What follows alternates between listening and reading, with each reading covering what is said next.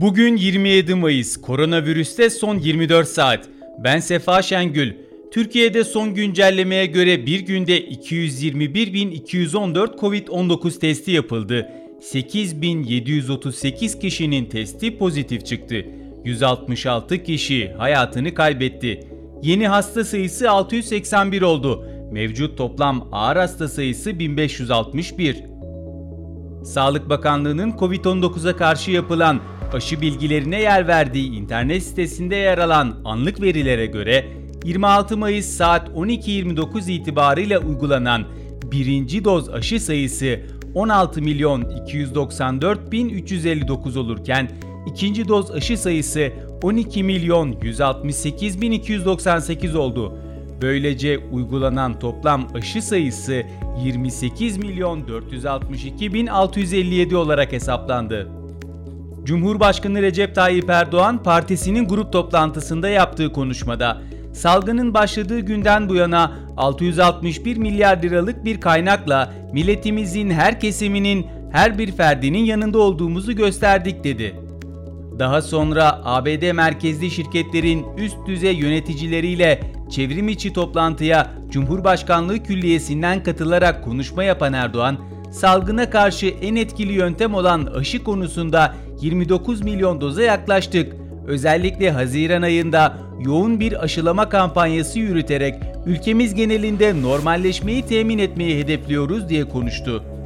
Sağlık Bakanı Fahrettin Koca, video konferans yöntemiyle düzenlenen Koronavirüs Bilim Kurulu toplantısının ardından yaptığı açıklamada 1 Haziran'dan itibaren aşılama programımız hızlanmış olacak. Bu kapsamda 1 Haziran'dan itibaren 50 yaş üzeri vatandaşlarımızın da aşılanmasına başlanacaktır bilgisini paylaştı. Dünyadan gelişmelerse şöyle.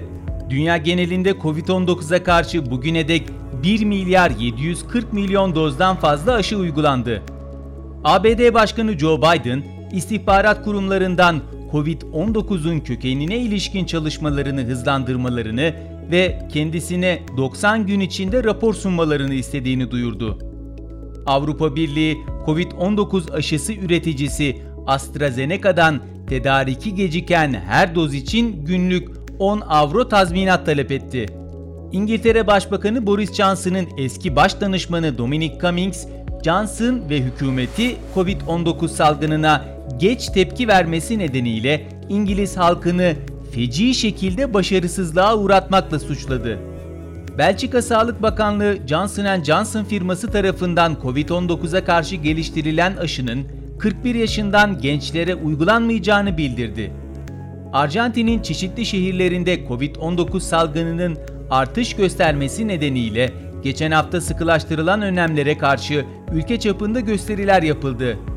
Çin'in Hong Kong özel idari bölgesinde kullanılmayan çok sayıda Covid-19 aşısının çöpe atılmak zorunda kalınabileceği bildirildi.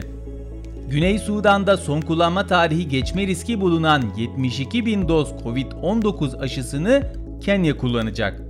Güney Kore'de en az bir doz Covid-19 aşısı olanların Temmuz'dan itibaren maske takma zorunluluğunun kaldırılacağı bildirildi. Güney Afrika Cumhuriyeti'nin AstraZeneca'nın Covid-19 aşıları için yüksek gelirli ülkelere kıyasla daha yüksek ücret ödediği öne sürüldü.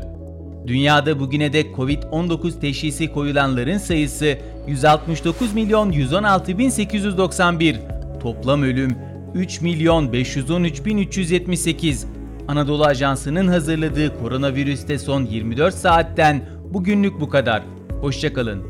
Spotify, SoundCloud, Apple Podcast ve diğer uygulamalar. Bizi hangi mecradan dinliyorsanız lütfen abone olmayı unutmayın.